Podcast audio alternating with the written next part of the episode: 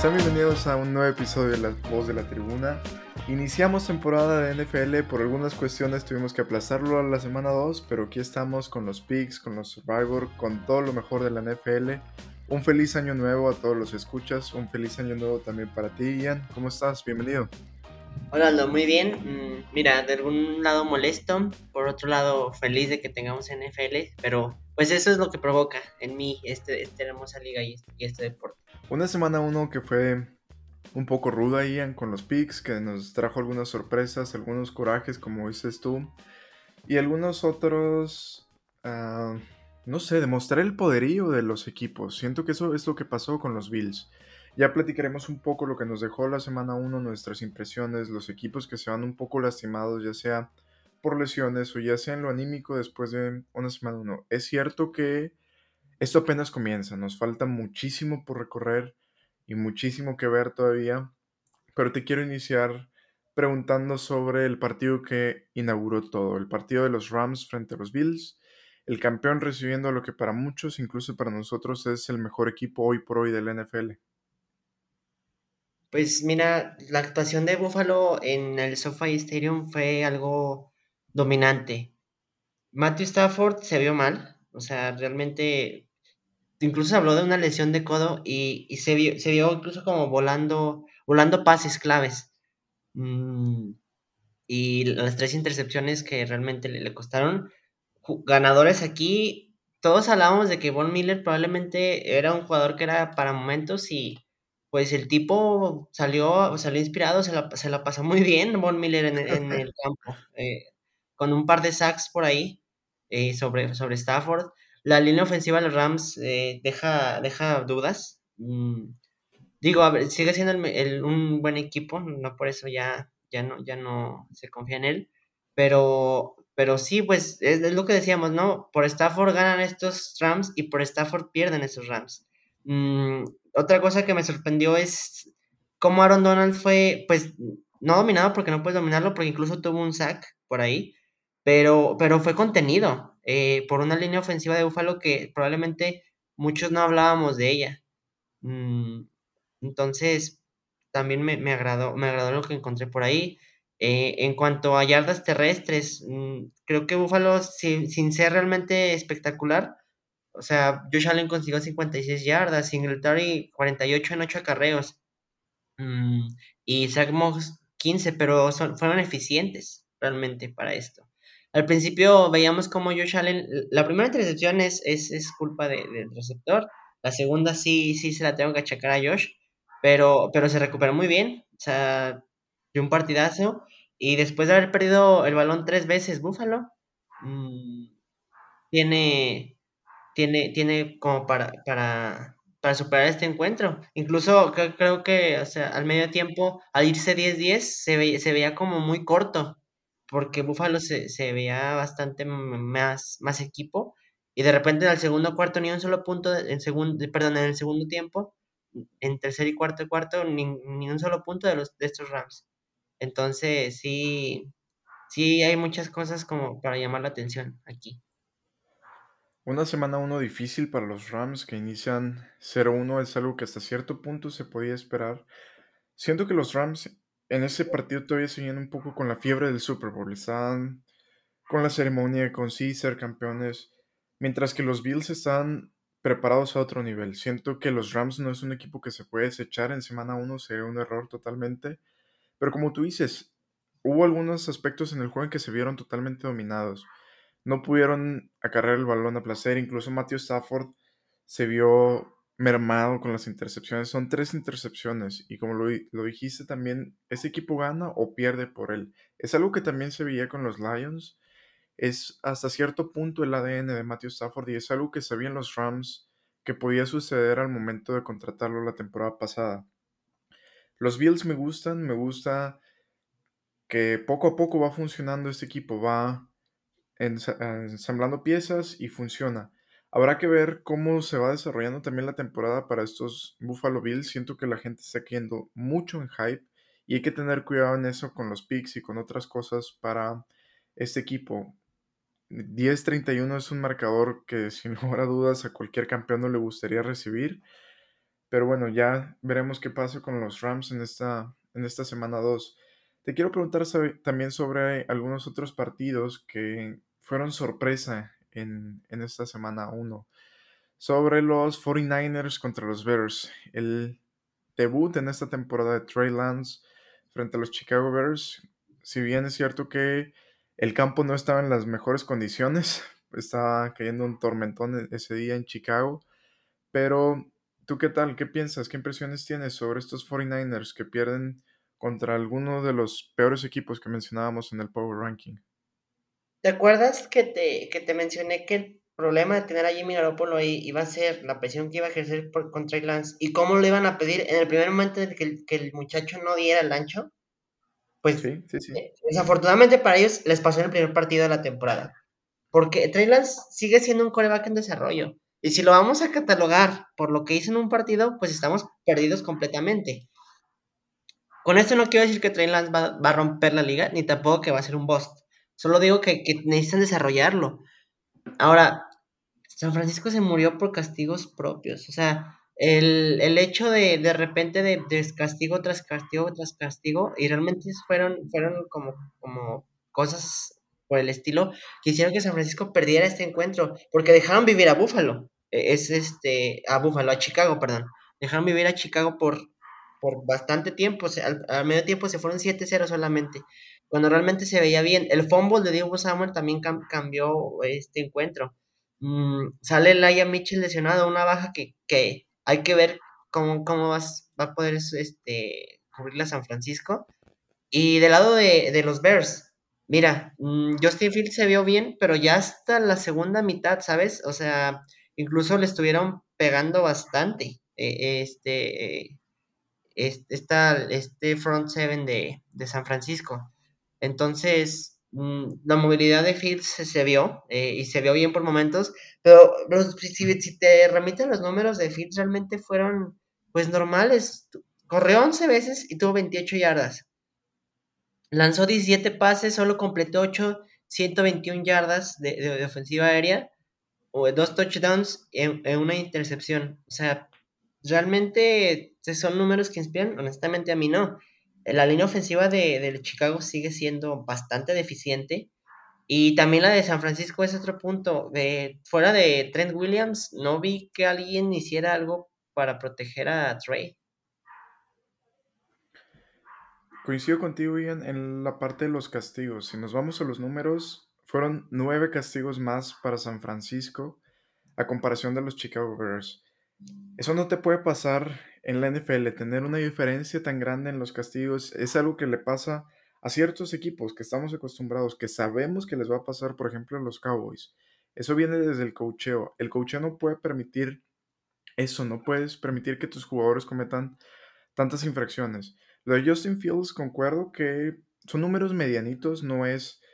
Eh, no son números malos, si te soy sincero, pero tampoco es algo de asombrarnos. Siento que los Bears corren con suerte hasta cierto punto en esta semana 1, que San Francisco los deja vivir, comete errores con los castigos.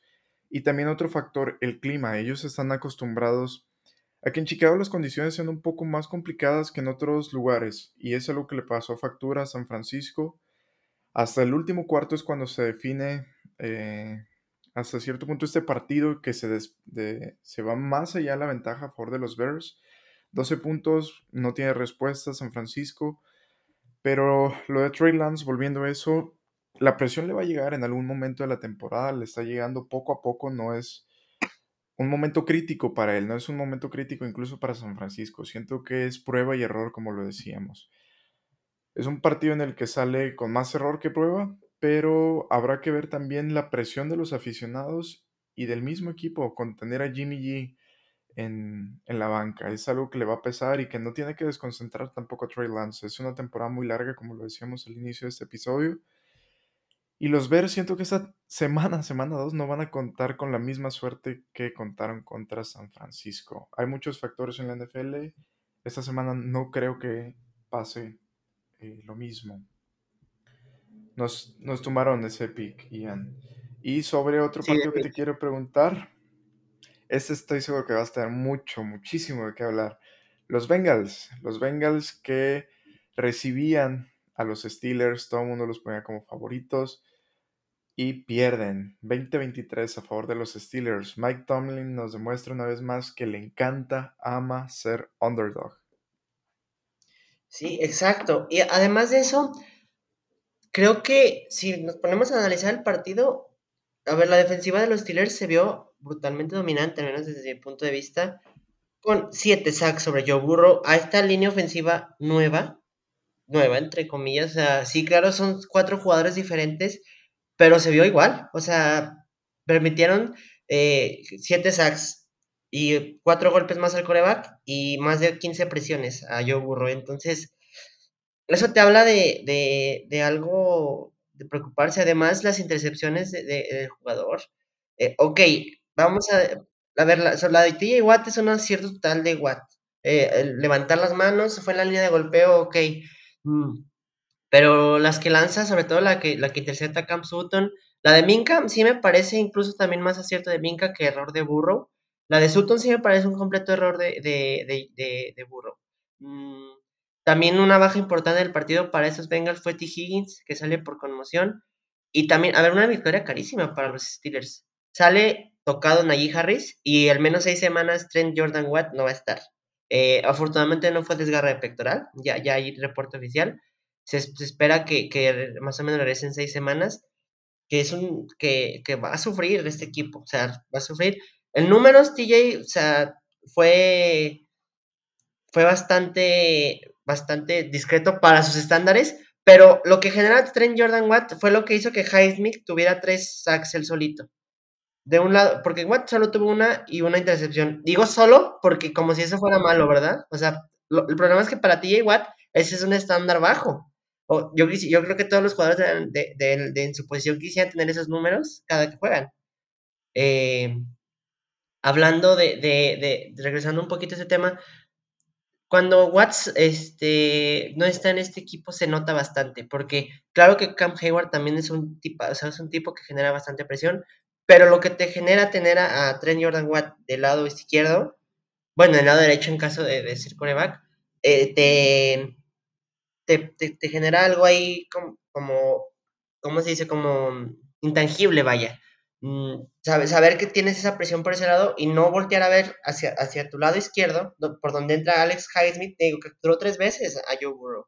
Robert Spillane una más, Arthur Marlett una más, Cam Hayward con otra, y pues las cuatro intercepciones. Entonces, ahora, ya, yo, ya hablé maravillas de la, de la defensiva de los Steelers. Ahora quiero hablar basura, porque eso es lo que fue la ofensiva de este equipo. A ver, ok, los números de Trubisky fueron eficientes, pero el fallo de conversiones, o sea, Pittsburgh se fue 4 de 15, cometió 8 castigos para 59 yardas.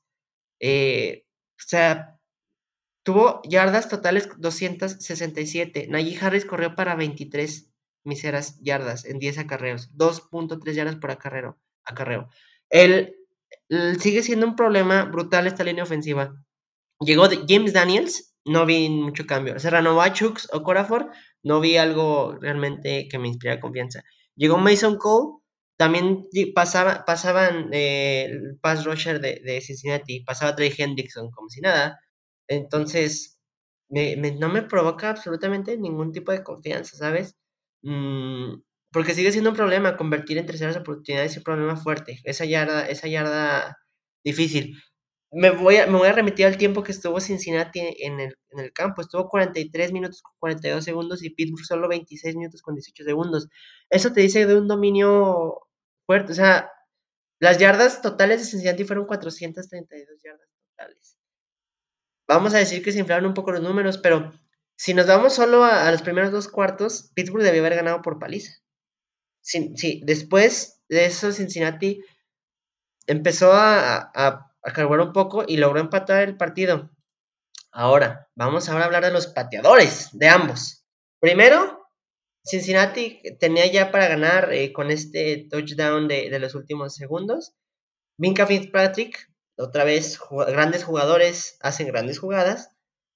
Mm, tapa, tapa el punto extra. Y después Pittsburgh entra, tomas la primera serie ofensiva, tres y fuera. No esperaba otra cosa, honestamente, de, de y compañía. Mm, la toma Cincinnati, un gol de campo de 29 yardas y lo falla, pero lo falla terriblemente Ivan McPherson. O sea, algo que no, no te explicas cómo fallas un field goal de 29 yardas. Algo que, que es en automático. Sobre todo por lo que has mostrado en playoffs. O sea, me parece bastante, ah, de alguna manera, triste. Mm, y después sí tienen, yo creo que la mejor serie ofensiva del partido, al final, con, estos, estos pases sobre Pat Frymouth, un, buen ala cerrada, honestamente, de lo rescatable que tuvo Pittsburgh. una recepción sota de Deontay Johnson. Eh, entonces, un, jugador que me decepcionó, pero no él, me decepcionó Matt Canada por el play calling que, que mandó con George Pickens. Solo, solo, lo, fueron tres targets para él y solo una recepción para tres yardas. No lo utilizaron. Y esto es completamente un error de Matt Canada. Y espero que Matt Canada no dure mucho en los Steelers porque cada vez me demuestra que no puede armar un plan de juego. Además, tienes a un novato bastante, que se vio bastante bien en, en pretemporada en Jalen Warren como corredor y no lo utilizaste nada, lo utilizaste tres veces. Y de hecho yo creo que se vio mejor que Najee Harris las tres veces que entró, incluso bloqueando Jalen Warren, bloqueó muy bien algunas cosas. Entonces, y nomás les digo, Najee Harris fue un pick de primera ronda y Jalen Warren fue un, draft free agent. Solo así se las dejo, no, no voy a decir más. Eh, y me gustó lo que vi de Warren y solo lo vi, lo vi en seis snaps en el partido. Y esos seis snaps vi, un hambre de un jugador que, que, quería pelear por algo. Pero vuelvo a Matt Canada, o sea, el plan de juego fue realmente triste, no, no sé cómo, cómo llamarlo, de alguna manera. Mm, y sí, ya, repito, de ahí en fuera de Cincinnati, es que tampoco deberíamos como asustarnos tanto porque el, el, la serie siempre la ha liderado los Steelers y al Bengals siempre realmente le va mal. El año pasado, claro, Cincinnati barrió y barrió feo a los Steelers, pero, pero realmente, pues de alguna manera volvemos a lo que siempre ha sido esta división. Sí, a lo histórico de la división. Lo que mencionas del tiempo en cancha es algo que me parece muy importante. Estos Steelers están basados en su defensiva. ¿Cuánto tiempo te va a aguantar tu defensiva? Desgastarlos tanto tiempo como lo mencionaste, más de 40 minutos en cancha para una defensiva, 30 minutos en, cancha para una defensiva, los vas a terminar lesionando, los vas a terminar cansando y a largo plazo no es algo que, que sea viable. Cualquier equipo de la NFL, te lo aseguro, con una mejor ofensiva, quisiera tener la defensiva de estos Steelers. Cualquiera. Te lo, te lo firman ah, en este momento. El problema de estos Steelers es que no tienen un plan de juego para ofender, no tienen una forma de sacar puntos. Lo dices, los números de Trubisky, eh, bien, cumplen.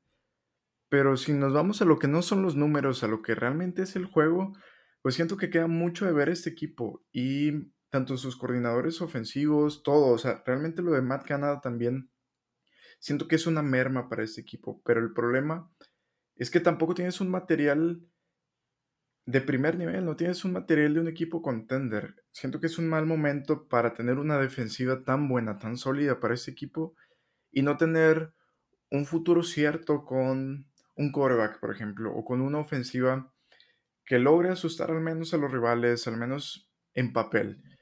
¿Tú qué piensas de, esto, del timing que tiene la defensiva, del timing que tiene este equipo, pero que no tiene una ofensiva que se ve al menos a, corto plazo? Justamente, o sea, ¿por qué crees que salieron tocados algunos jugadores? O sea, la, yo hubiera preferido perder, pero tener a TJ Watt. O sea, honestamente, de verdad. El, esas seis semanas Híjole, nomás porque, la que, nomás porque el domingo se juega contra Patriots, o sea, pero si no, estaría bastante preocupado. O sea, ya lo estoy, pero lo estaría todavía más si me tocara ya jugar contra Búfalo, por ejemplo. Que de hecho, de uno de los partidos que se va a perder, va a ser el de Búfalo en la semana 5. Entonces, yo solo espero que no nos metan más de 45 puntos en ese partido. O sea, y sí, pues justamente fue una sobrecarga, o sea, no puedes tener tanto tiempo y tienes que al menos tener el balón más de solo tres snaps y ya vámonos para afuera. Es que es un plan de juego muy, muy este, tonto. Lanzaron 38 veces, por, amor a Dios. El, mejor corredor de los fue Chase Claypool. Tuvo 6 acarreos para 36 yardas. Eh, y fueron, eh, creo que la mejor jugada de, de los Steelers fue, fue la flick, flicker que, que conecta a Trubisky con Firemouth. Y de ahí en fuera, no tenemos como que nada brillante de este equipo. La recepción de Deontay Johnson, que va, se fue bastante buena en overtime, eh, pero sí, sí, sí me deja mucha, muchas dudas esta ofensiva porque tienes que mantenerla dentro. O sea, esto eh, yo lo comparo mucho con lo que nos pasó con Kansas City en playoffs el año pasado. En el primer cuarto, la defensiva estaba respondiendo de una manera brutal a Mahomes, pero la ofensiva no caminaba nada. Llegó un punto que Kansas City cansó tanto la defensiva que simplemente los Steelers dijeron, ¿sabes qué? Vámonos de aquí. Y fueron otra vez más de 40 puntos. Entonces, eh, pero realmente yo siento que no fue un problema tanto de defensiva, sigue siendo el problema de raíz la ofensiva de los. Sí, algo que termina por romperse en algún punto del partido, después de tanta carga, después de tanto tiempo en la cancha, termina por romperse. Pero bueno, bien, ¿qué tal si pasamos a la semana 1 que nos tiene muchos partidos interesantes, muchos partidos de los que ya hablaremos? Y si estás de acuerdo, iniciamos con el partido de los Chiefs contra los Chargers. Ambos ganaron Partido divisional, partido que llama mucho la atención, mucho morbo. Mahomes frente a Herbert. Se juega en el Arrowhead. ¿Qué podemos esperar de este partido? Yo solo espero ver otra vez a Herbert. O sea, cada que veo a Justin Herbert es, es realmente, no sé, veo una superestrella totalmente. Me, me encanta lo que hace Justin. 26 de 34, 279 yardas, 3 touchdowns, un rating de 129.4. ¿Qué más le vas a pedir a un coreback? O sea, no, no, no le podemos exigir mucho más de eso. Eh, una muy buena prueba, si bien es un equipo, o sea, si era, si era menor, pero enfrentaba una muy buena prueba, sobre todo por ser un juego divisional, que ya de, de cajón ahí ya es, ya es difícil, vaya. Mm, y me gustó, me gustó bastante lo que vi. Eh, no permitir sacks a Justin Herbert Justin Herbert me, me, parece algo bastante destacable, que fue una de las cosas por las que Herbert eh, había batallado en los últimos en los dos años que lleva como coreback de, los Chargers. Mm, me, gusta cómo, cómo han utilizado a, los receptores. Mm, si bien Keenan Allen no estuvo este partido, pudo distribuir el juego realmente bien. Eh, bueno, salió lesionado, perdón, Keenan Allen, eh, y o pudo distribuir el juego. No, estaba Keenan Allen, vamos contra Andre Carter sino con Gerald Everett, Trey McKitty, Mike Williams, o sea, estos jugadores que tuvieron targets y recepciones, incluso el mismo Austin Eckler. Tal vez eh, por tierra no fueron tan brillantes, pero creo que es algo que se puede corregir de, de estos Chargers.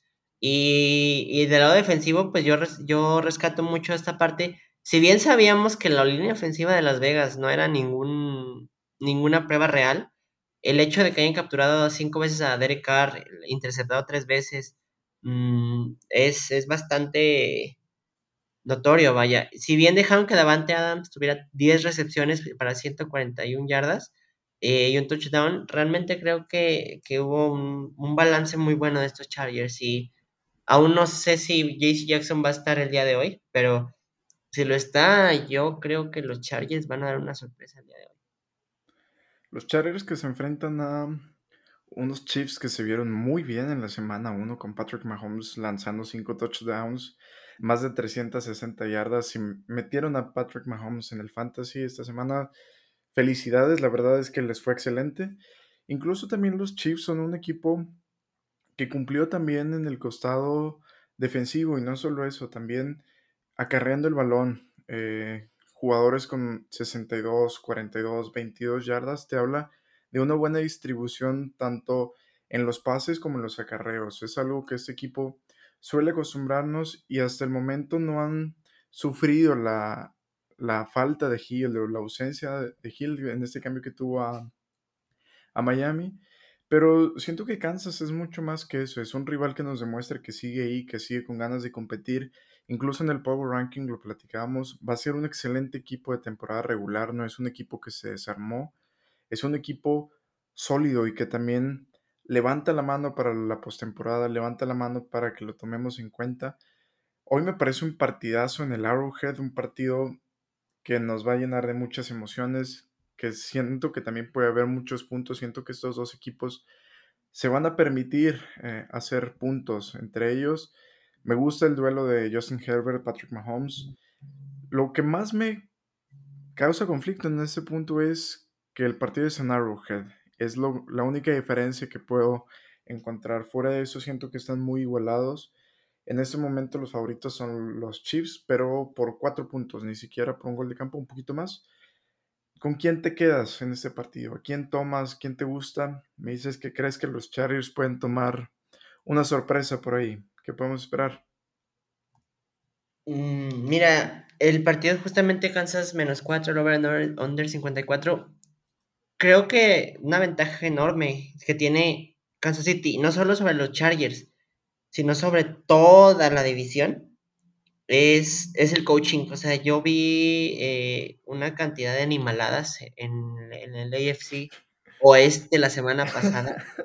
Eh, entonces, en coaching creo que Kansas City se lleva a la división por como por 50 años. O sea, terrible, o sea, es, es fuerte. Mm, el año pasado, justamente, si no me equivoco, semana 2, mm, se enfrentaban estos dos y los Chargers ganaron en Kansas City. Esto me hace pensar que los Chargers van, o sea, no, no voy a cometer el mismo error que el año pasado, no, tener las piedras para ponerlos. Voy a poner a los Chargers como sorpresa, que van y pegan en el Arrowhead Stadium. Lo pones en los picks en la semana 2. Yo tengo que recuperar de alguna forma, no irme tan abajo. Me voy con Kansas en este partido. Siento que el cocheo, la localía y el buen nivel que se vio de estos Chiefs en la semana 1 va a seguir siendo el mismo. No va a ser el mismo rival, definitivamente. Tienen en el otro costado a los Chargers, un equipo que nos gusta bastante. A diferencia de lo que era Arizona la semana pasada. Arizona se vio vapuleado por estos Chiefs. Realmente 44-21 es el doble de puntos. Y se vio, se vio muy mal Arizona. Me gusta Kansas, me gusta ese equipo, me gusta el cocheo. Vámonos con los jefes de Kansas City en, este partido. Tenemos que decir cómo nos fue en la, semana 1 con los picks, Los publicamos el jueves también, la semana pasada. Una semana ruda, no solo para nosotros, sino para todos. Te fuiste con... para mi Survivor. Te fuiste con 8, 8 de 16. Yo me fui con 7 de 16. No alcanzo el punto 500, pero vamos a recuperar. Siento que las cosas. tú ganaste tu Survivor, Aldo. Es la diferencia. Sí, gané el Survivor. Estuve, estuve muy tentado a meterlo con los 49ers. Trey Lance no me dejó hacerlo. Dije, no, van de visita. Trey Lance, primer partido en esta temporada. Mm, me fui por los Ravens, me fui por la segura, por Lamar Jackson y no decepcionaron. Ya platicaremos un poquito sobre tu Survivor con Denver y todo las animaladas, como dices, que pasaron en esa división. Así que en el partido de hoy, en el jueves por la noche, nos vamos con un pick Contreras. Tú te vas con los Chargers, yo me voy con los Chiefs. Es en el primer partido de esta semana 2. Pasamos, Ian, con el siguiente partido que vamos a hablar de la semana 2, que es los Steelers frente a los Pats. Dos equipos que se ven golpeados, bueno, los Steelers con algunas bajas y los Patriots que se vieron mal la semana pasada frente a los Dolphins. Incluso me dijiste, no sé por qué tomaste a estos Pats y sobre todo en septiembre. Los tomé la semana pasada en los picks, confío un poco, creo que confié de más, pero esta semana creo que va a ser muy distinto. ¿Qué podemos esperar de este partido entre tus Steelers frente a los, Patriots que se juegan en el Heinz Field? Mira, quiero iniciar esto con que me estoy dando cuenta en este segundo que los Patriots están favoritos por dos puntos. Como por, o sea... Toma, toma los Steelers. Toma, los Steelers inmediatamente. O sea, como porque, o sea, entiendo la paternidad que tiene Belichick sobre Tomlin y sobre esos Steelers, pero eso fue con Tom Brady. Es el primer partido que tienen estos Steelers contra los Patriots sin Tom Brady o Roethlisberger. Honestamente no recuerdo, según yo, como de, o sea, sin alguno de los dos, según yo, desde 2003. O sea, estamos hablando de, ya bastantes añitos. Em, ya esos son equipos completos. O sea, los Steelers acaban de dejar ir a, Ben. Los Patriots ya tienen un par de años que, salió Tom Brady hacia Tampa. Pero, pero yo no entiendo solo por what. Pero es que, vamos a, solo por roster, ¿hay alguien en la defensiva aparte de Matt Judon que te genera algo en los Patriots? Y en la ofensiva, ¿hay algo aparte de quién que te genera? O sea, ¿quién es en la ofensiva de los Patriots? Mac Jones, eh, Jacoby Myers, Ramondre Stevenson, Damien Harris. Tal vez el decente de ahí es Hunter Henry, pero eh, no, no sé cuál es el motivo en que Las Vegas tengan favorito dos puntos a los Patriots.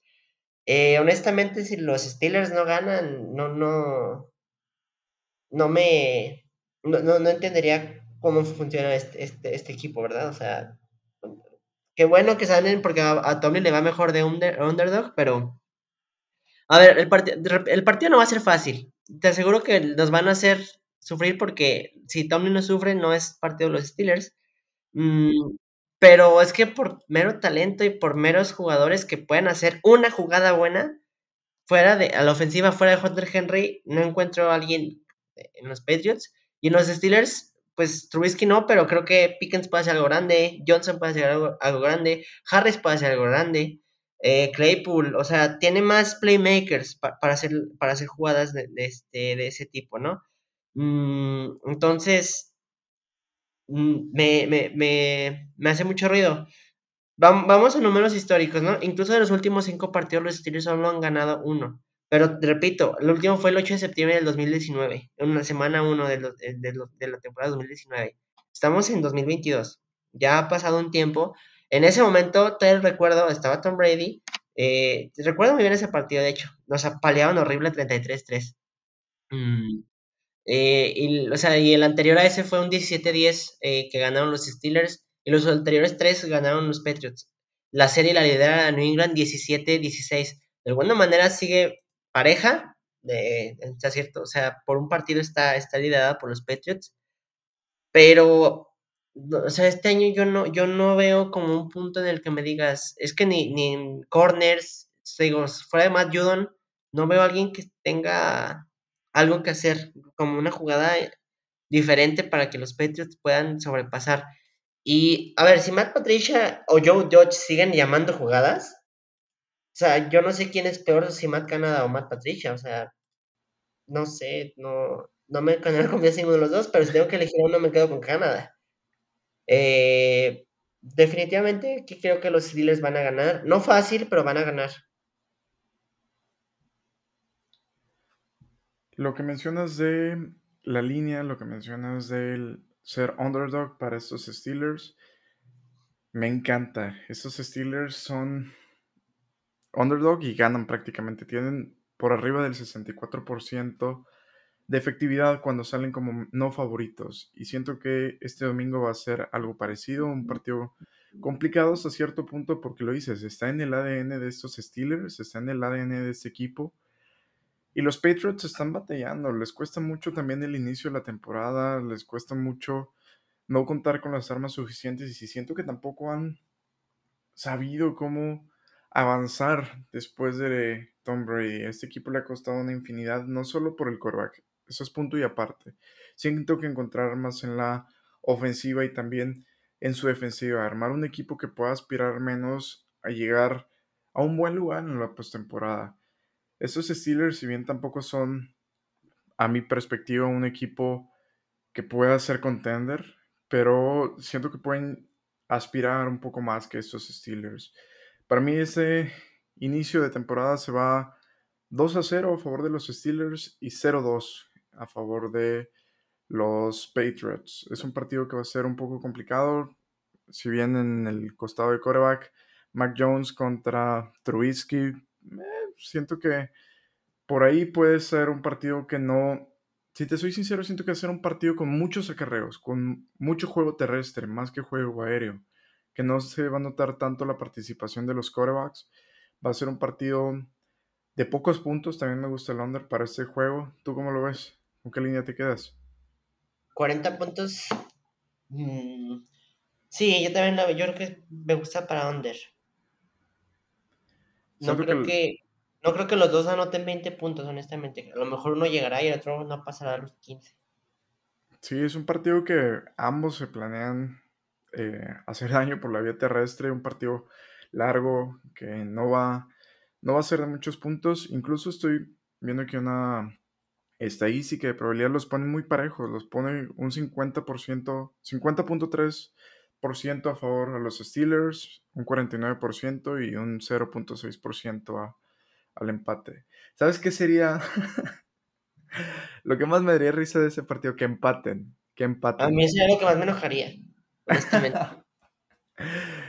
Aseguraría el no récord perdedor de Tomlin en una temporada. Un año más. Ese estilo. Sí, aseguraría el punto 500. No, fuera de broma, me gustan esos Steelers. Me gustan lo que vi la, la semana pasada frente a los Bengals, un equipo que está jugando muy bien la defensiva, que se va tocado, que no va a estar TJ Watt, pero que no le alcanza tampoco a los Patriots para hacerle daño a este equipo. Va a ser un partido parejo, pero más que eso no, no lo veo.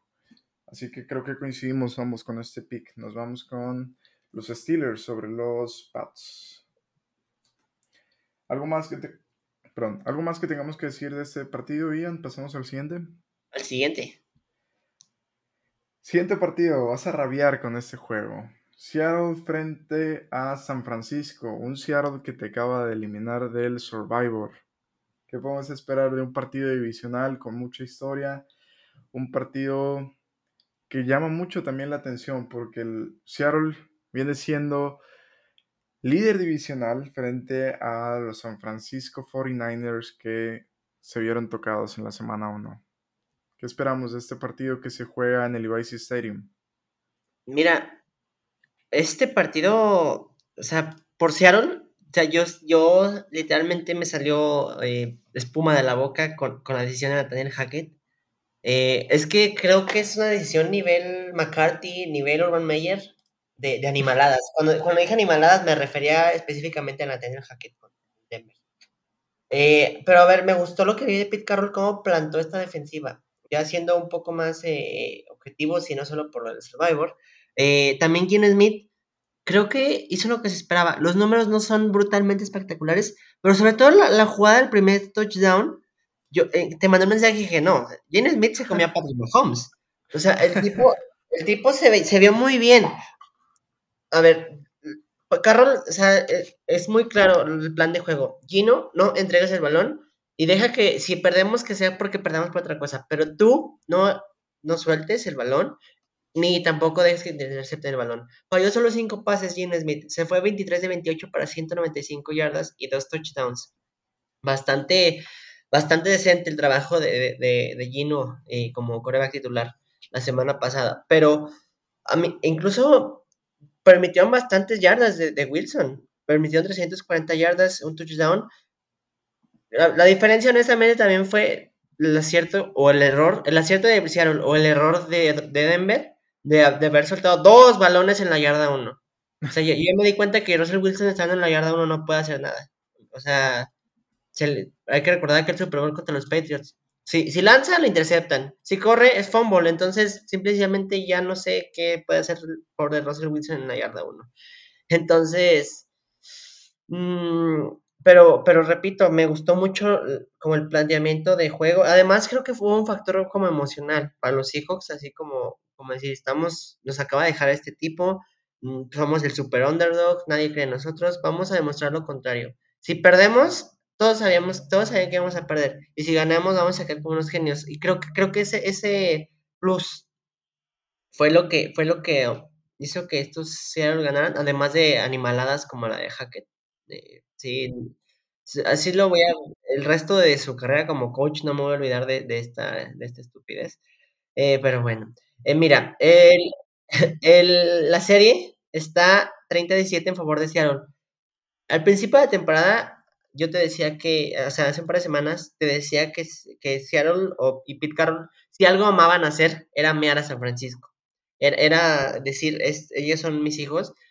Y, y, así ha sido, o sea, la serie ha estado, estado bastante mmm, recargada a un lado. Los últimos cuatro partidos los ha ganado Seattle. O sea, los últimos dos años de, de enfrentamientos. Mm, me, me, preocupa lo que vi un poco de San Francisco, sí, pero es que si ves, sigues viendo el roster, es poco, eh, no sé, no, no, hay cosas que no me, no me cuadran. Eh, no, no, puedo seguir confiando en que Jimmy va a seguir eh, así de bien. Además, el clima sí creo que ese fue un factor. Eh, ya Trey Lance ya probó un poquito más de cómo es el coreback titular en la semana 1. Mm, yo creo que no va a volver a pasar lo mismo que pasó la semana pasada. No me gusta la línea de 8.5, o sea, no creo que San Francisco vaya a cubrir esa línea. Sin embargo, eh, sí creo que van a ganar el partido. O sea, por mero talento, yo creo que ya ese va a volver un poquito a la normalidad porque tampoco es que crea que Seattle, como está ahorita como líder divisional, vaya a quedar como, como campeón y vaya a ir directo al Super Bowl. Eh, pero, repito, creo que sí fue algo como muy emocional. Incluso vimos cómo Carlos celebró esa victoria. O sea, estuvo, estuvo, pues sí, como si hubieran ganado un juego de playoffs. Entonces, yo me quedo con San Francisco, eh, con las dudas que me genera el equipo, pues por, por menos talento de roster. Me quedo también con San Francisco. Siento que hay una regresión por parte de Seattle. No es sostenible que este equipo juegue así todas las semanas. Incluso frente a Denver estuvieron muy cerca de perder. Ese partido tenía que haberlo ganado Denver. Si lo simulábamos 10 veces, 9 veces lo ganaba Denver. La única que no lo ganó fue, como lo dices, por malas decisiones, por pérdidas de balón en la yarda 1, o sea, por errores garrafales totalmente. Es una victoria que dejó ir Denver, que estaba para ellos, la dejaron ir. Y hay una regresión de Seattle, también creo que no, no es sostenible. Y para los 49ers, lo que se vio la semana pasada frente a los Bears, siento que tampoco es la realidad de ese equipo. Lo poníamos como el número 5 en nuestro Power Ranking y creo que es momento de que vaya despertando los 49ers, de que vaya arrancando ese motor. Creo que es una muy buena oportunidad. La línea no me gusta absolutamente para nada. Se la doy a Seattle. 8.5 son dos posesiones. Va a ser un partido divisional, cerrado, ríspido. Pero que también voy contigo, lo ganan los 49ers. Un partido que históricamente los Seattle Seahawks tienen dominio contra los 49ers, pero no es suficiente ese dominio. Es un equipo que no está muy bien armado, que tiene muchas carencias tanto en el costado ofensivo como en el defensivo. Por eso sería, no sé, siento que es irracional tomar a los, a los Seattle Seahawks frente a los 49ers. Nos vamos con, con el mismo pick. ¿Y qué te gusta? ¿Qué resultado te gusta para ese partido? Siento que la estrategia de Seattle va a ser acarrear el balón, acarrear, acarrear, acarrear y hasta donde tope. ¿Qué te gusta para ese juego? A mí me gusta un 24-17, un 20-17. O sea, tampoco veo mil puntos en ese partido, honestamente. Sí, también poco a poco Trey Lance siento que va a ir soltando ese brazo, ¿no? Es la misma confianza que hacerlo en un juego de pretemporada o hacerlo en, un partido que no es divisional frente a un rival como los, los Seahawks. Así que me gusta también un partido de pocos puntos, me gusta los Seahawks para cubrir la línea, pero me gustan los 49ers para los picks que van en la lista oficial que sale más tarde. Entonces, ambos nos quedamos con la victoria de los 49ers. Ian, pasamos al siguiente partido, partido calientito, un partido de la conferencia americana, Miami frente a los Ravens. Ambos vienen de ganar 1-0. ¿Qué podemos esperar de un partido que a mi gusto es un partido interesante que va a ser de buen duelo ofensivo. ¿Qué podemos hablar de ese juego? Mira, justamente este es un duelo que creo que está más cerrado de lo que parece. Eh, sobre todo porque creo que ninguno de los dos equipos nos mostró mucho para ganar la semana 1. Y esa es la clave. Realmente yo no vi ni que Baltimore se sintiera como siempre, presionado por estar ganando. O sea, creo que Baltimore ganó y ganó con lo necesario para ganar, vaya. Ni siquiera fue un resultado cerrado, pero hizo pues lo, mínimo necesario para ganar y aún así se llevó más de 10 puntos de ventaja. Entonces, eso te habla de un equipo bien coachado y con talento de inicio. En Miami igual, realmente no sentí que en algún momento New England pudo haberles respondido, ¿sabes? Este partido en algún punto estuvo 17-0 al medio tiempo, entonces no, no, no, realmente no hubo una, mm, pues sí, como un esfuerzo sobrenatural o inhumano por ganar ninguno de los dos el partido. Y eso es lo que me llama la, atención del enfrentamiento entre estos dos. en coaching. Por un lado tenemos a Mike McDaniel, su segundo partido como head coach en la NFL, y Harbaugh, eh, un head coach que ya incluso ganador de Super Bowl. Y me gusta, me gusta, eh, sobre todo porque creo que tiene tintes de revancha del año pasado. Ya recuerdo cómo llegaba un equipo y otro que Baltimore en su momento cuando enfrentaba a Miami era el rival, era el número uno de la división norte. Y Miami venía como tropezando bastantes partidos y se lo lleva Miami. Entonces me, me, me llama la atención como Harbaugh, porque Harbaugh es un head coach que se toma esto muy a pecho, ¿sabes?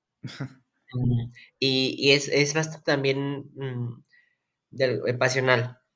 entonces, es, va a ser un duelo con bastante, bastante juego terrestre, veo yo. O sea, del lado de Baltimore creo que no es ninguna, ninguna sorpresa. Y de Miami, me, me, gustó lo que vi, lo poco que vi de Mostert, me gustó también lo que vi, lo que vi de Chase Edmonds, lo han utilizado bien. O sea, no fueron yardas eh, masivas, o sea, fueron pocas yardas, pero fueron yardas que convertían first downs. Y el hecho de que tú solo haya fallado 10 pases de 33, 270 yardas, un touchdown, y, el, y con Tarek Hill, 8 recepciones, 94 yardas, o sea, me, me, que es el jugador al que le, estabas, le estás apostando, pues le apostaste su, tu draft, pues era, era lo, que, lo que se esperaba de, del equipo, ¿no? Además, la defensiva de Miami me gusta bastante. Creo que, creo que también la, la ninguneamos un poco.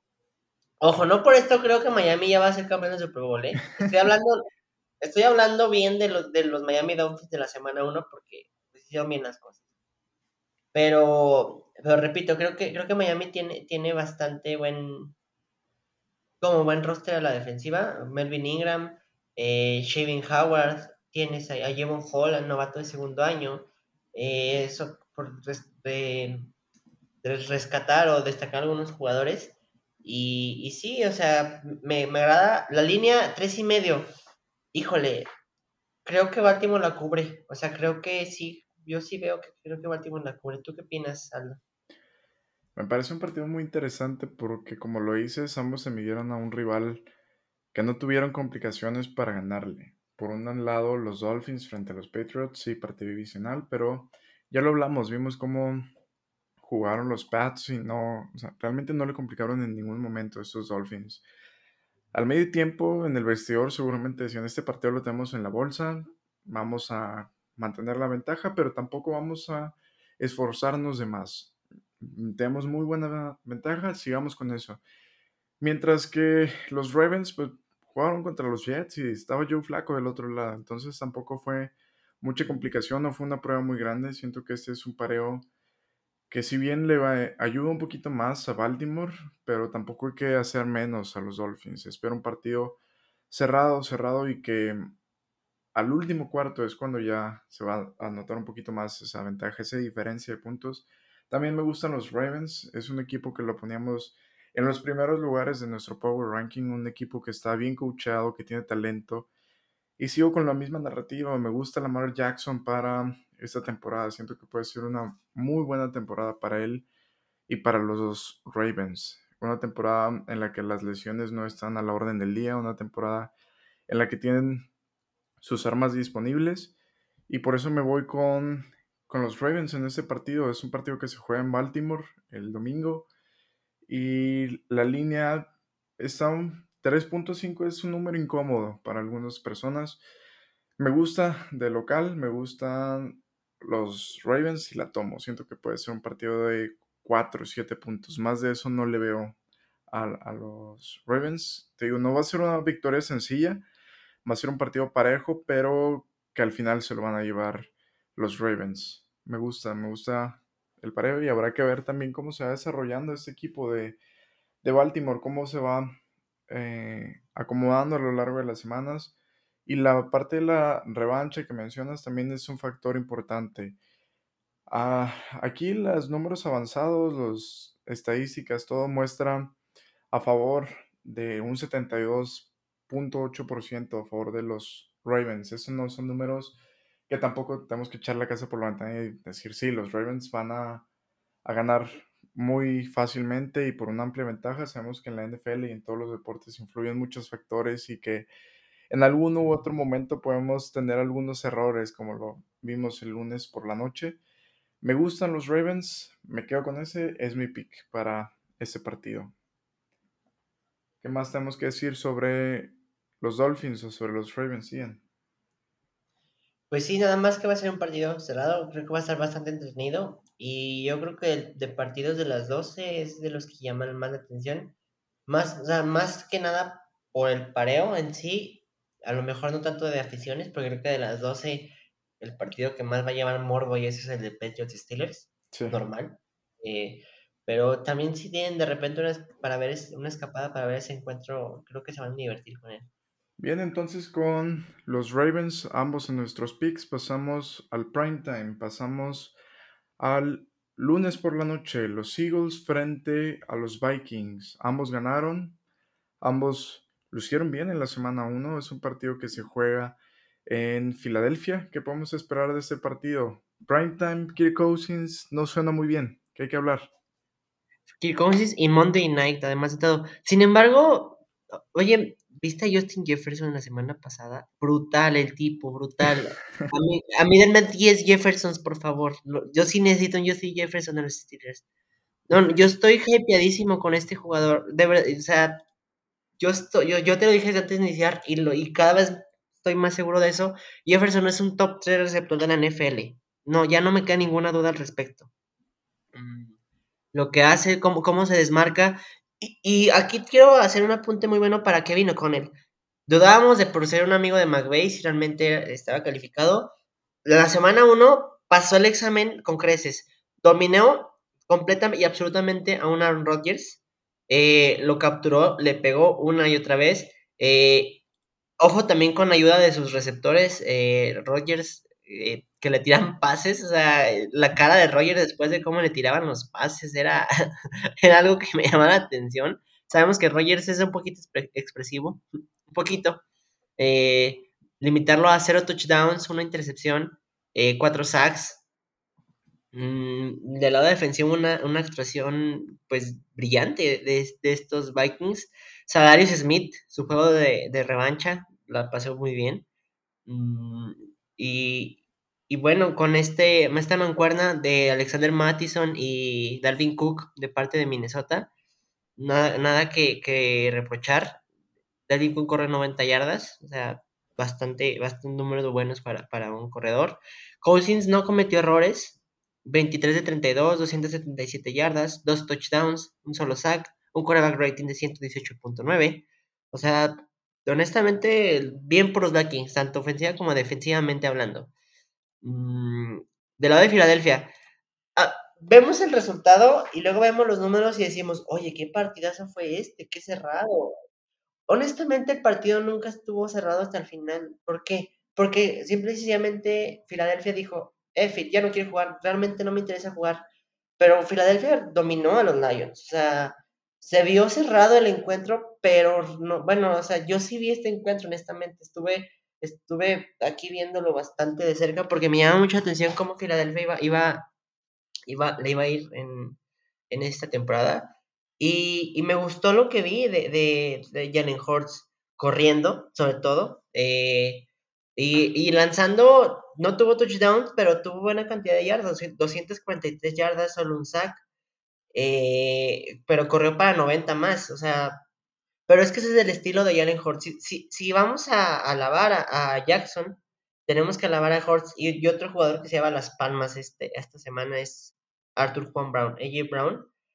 Oye, 10 recepciones, 155 yardas. También una pieza importantísima pa- para, para este equipo. Del lado de Detroit, es que Jared Goff sigue siendo Jared Goff. o sea, no, no, no me genera nada de, de confianza. De Andre Swift, de Andre Swift sí lo tengo que recalcar. Bastante buen partido de, de Andre Swift. Swift. Y me gustó mucho este enfrentamiento, sobre todo por, por el enfrentamiento entre las trincheras, la línea ofensiva de Detroit contra una línea defensiva de, de Filadelfia que, que, que hizo, hizo el trabajo mm, por momentos. Entonces, mm, me, me gusta, me gusta este partido y creo que va a estar bastante bueno. Por, por razones obvias y que Kirk Cousins no sabe ganar el Monday Night Football, me voy a ir con Filadelfia. Pero, pero va a estar cerrado el encuentro en menos dos. Pues lo cubren porque creo que lo van a ganar por gol de campo, pero O sea, otra vez por tres puntos, igual que la semana pasada. Mm, pero sí, sí, vamos a, vamos a ver un muy buen partido de fútbol.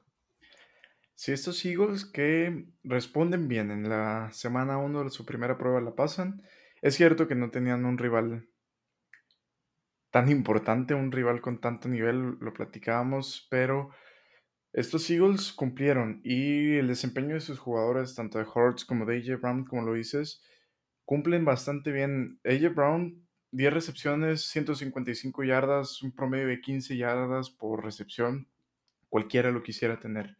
Y también del lado de los Vikings veo, vi bastante creatividad el, el fin de semana pasado en el costado ofensivo y es algo que están trayendo los nuevos eh, head coach jóvenes, que están trayendo nuevas formas de jugar al fútbol y es algo que también me llama mucho la atención. Ya no es la vieja escuela, hay mayor creatividad, hay más tipos de jugadas que dices, oye, esta ruta de dónde la sacaste.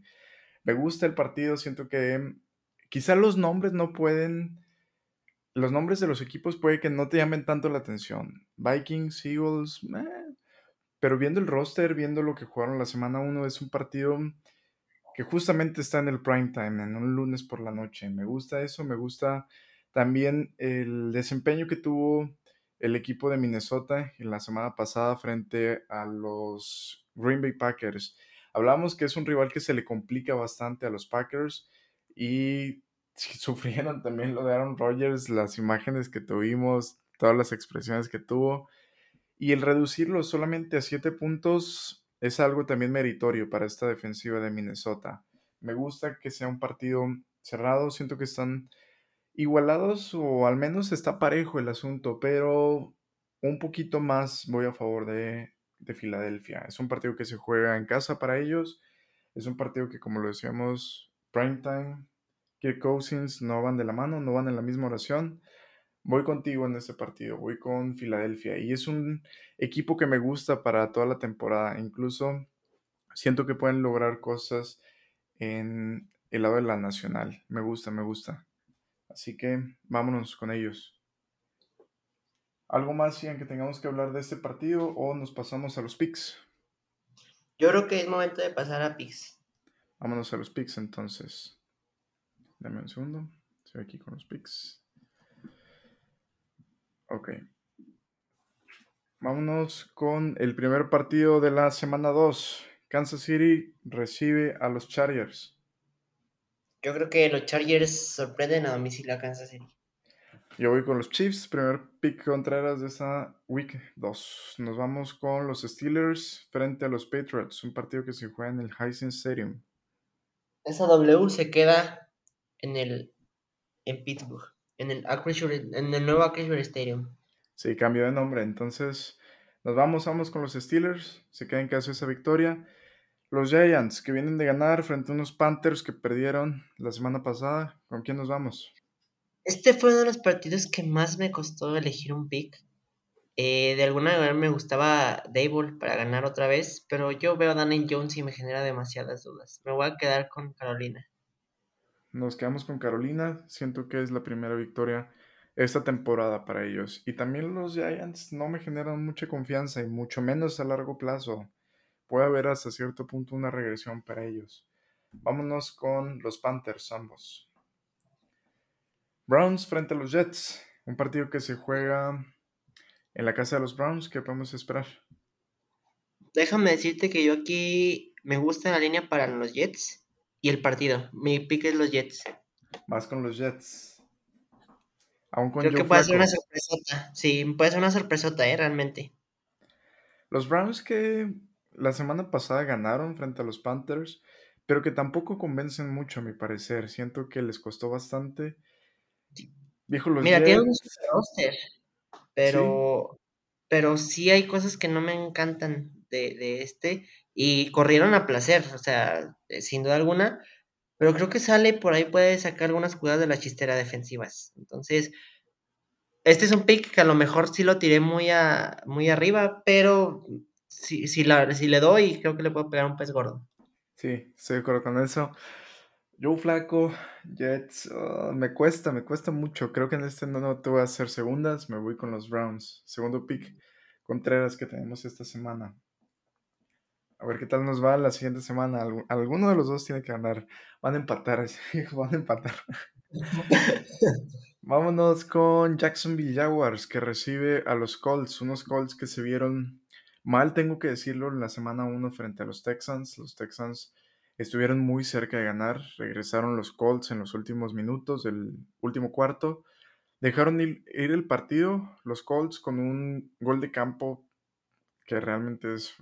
cortaron a su pateador y no me gustan los Colts esta semana. Yo sé que tú vas a ir con los Jaguars, es un equipo sorpresa para ti, un equipo comodín. Pero dime, ¿con quién vas? ¿Jaguars o Colts? No, Jacksonville. Además el juego es en Jacksonville. O sea, no, no, no me genera nada de confianza ya en Indianapolis. Ya me bajé de ese barco, incluso, o sea, ya, ya estoy dudando de, mi predicción de que este equipo va a ganar la división. Em, va a ganar Jacksonville. Sí, Jacksonville 1-1 esta semana. Se va con la victoria. Pasamos al partido de los Ravens frente a los Dolphins en Baltimore. ¿Quién se lo queda? Se queda en Maryland ese encuentro, Baltimore. Vámonos con los Ravens ambos. Un partido que mencionas que te genera morbo por los Saints y los Buccaneers. Partido que se juega en New Orleans. ¿Quién se lo lleva? Este partido, aunque por poco, se lo va a llevar otra vez New Orleans Saints. Vas con los Saints.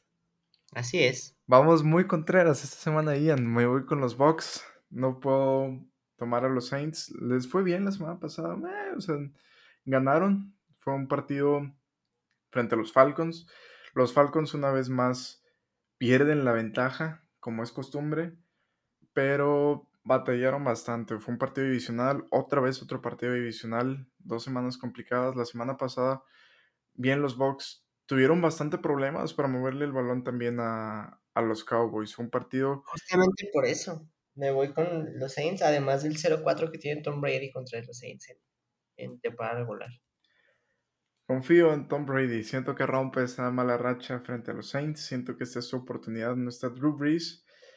Pero sí, me genera también muchas dudas esos Buccaneers por la cuestión de mover el balón. Les costó bastante frente a los Cowboys que fueron un chiste en la semana pasada, en la semana 1. Un chiste que les costó la lesión de Dak Prescott que van a sufrir bastante de 6 a 8 semanas sin su quarterback número uno, el que le están pagando millones de dólares.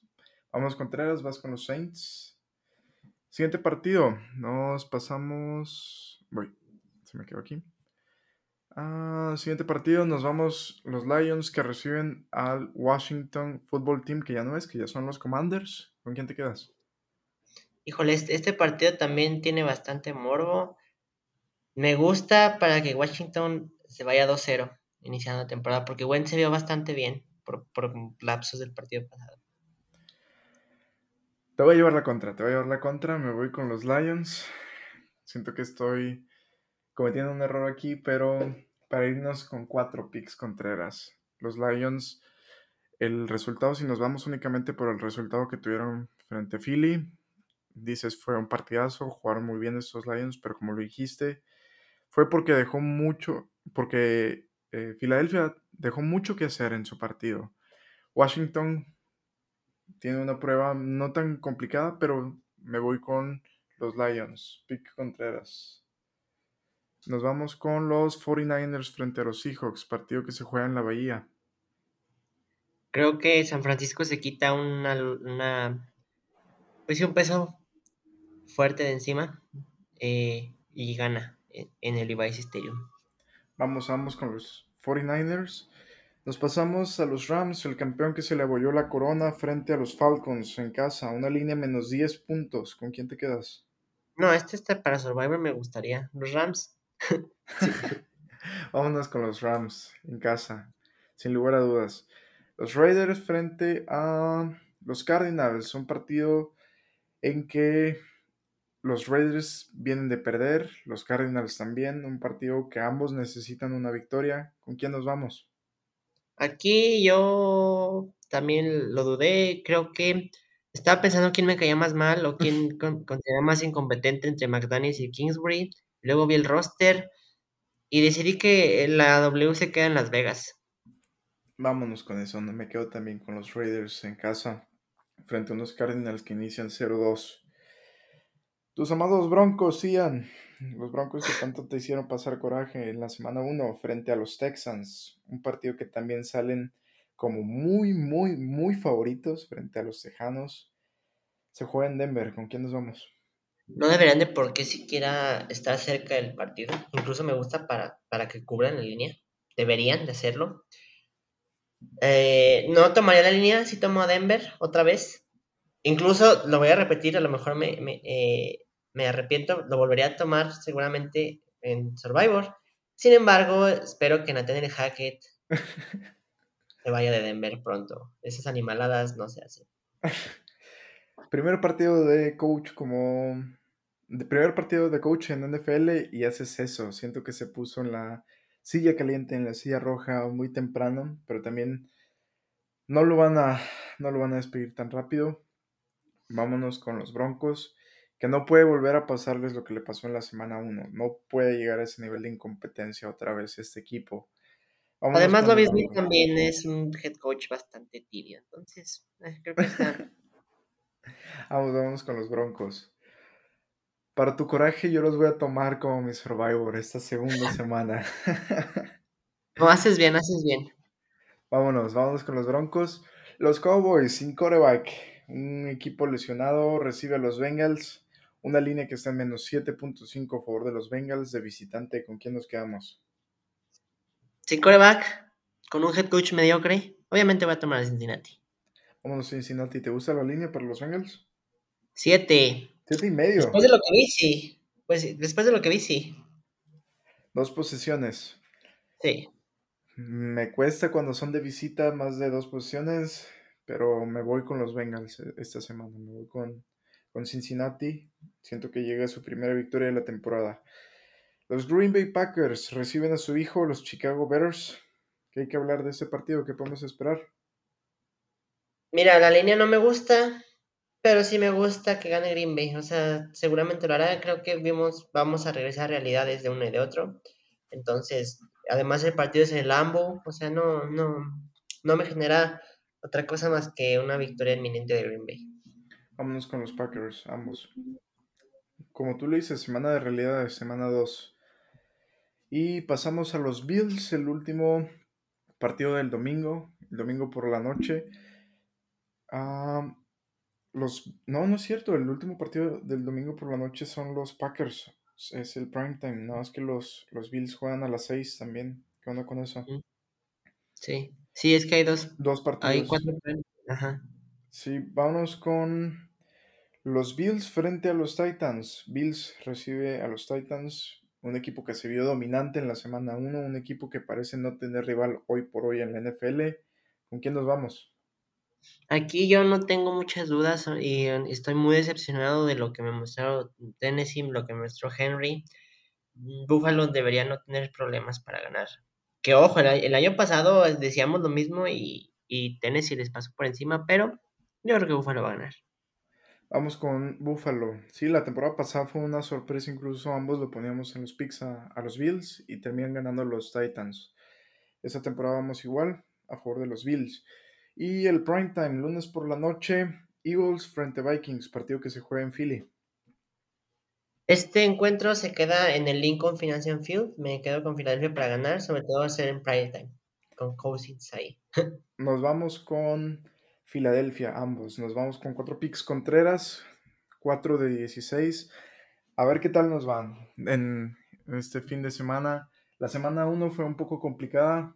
Números pobres para mí, 7 victorias de 16. Terribles, ni siquiera el punto 5. Pero ganaste tu Survivor. Gané mi Survivor, sigo vivo. sí, la cantidad de gente que se fue esta semana en el Survivor. No recuerdo una semana uno que tanta gente se hubiera ido, ¿eh? es que mira, entre Tennessee, entre San Francisco y entre los Broncos, adiós. Y muchos también con, con Indianapolis, porque hay que recordar que hay reglas de Survivors que con empates salen. Entonces, esos cuatro equipos se aventaron yo creo que como el 60% de ligas de Survivor o más. Sí, seguimos vivos al menos por aquí. Y pues con las recomendaciones. La, temporada pasada ya estabas, estoy seguro que te ibas a ir 0-17. Estabas muy, muy cerca. Estabas on fire semana 13. me parece, ya fue cuando yo salí en la semana 12. Pues, justamente, ¿sabes quién me sacó de mi Survivor el año pasado? Tomé a Tennessee en contra de los Texans y ganaron los Texans. sí, cierto. ¿Sí? Sí, Porque rompí mi única regla de Survivor. Jamás tomes un juego divisional. Y rompí mi regla. Sí, sí, ya, ya lo recordé. a mí los Cowboys, no se me olvidan los Cowboys que me sacaron. Incluso creo que... Contra Denver, justamente. Ah, pero bueno, bueno, esta temporada, nuevo Survivor, seguimos vivos, pero vámonos con eso. Cuatro picks contrarios de 16, ya lo hablaremos en la siguiente semana, en la siguiente emisión de este programa. Te agradezco, Ian, una vez más por este episodio. Sabes que estás en tu casa. Sin más, nos despedimos. Recuerda tus redes sociales, por favor. muchas gracias, Aldo. Claro que sí. En Facebook me encuentras como Ian Trejo, en Twitter como Ian Trejo4, en Instagram como Trejo Ian. A mí me encuentran en todos lados como arroba 13 Sin más, les agradecemos por estar al pendiente de los picks de la semana a semana de esta NFL. Una disculpa por la semana pasada, tuvimos ahí algunas complicaciones, pero estamos de vuelta con lo mejor de la liga de fútbol americano, de la mejor liga del mundo. Y seguimos, seguimos adelante con eso. Como siempre, les agradecemos y nos vemos en la cancha. ¡Ánimo!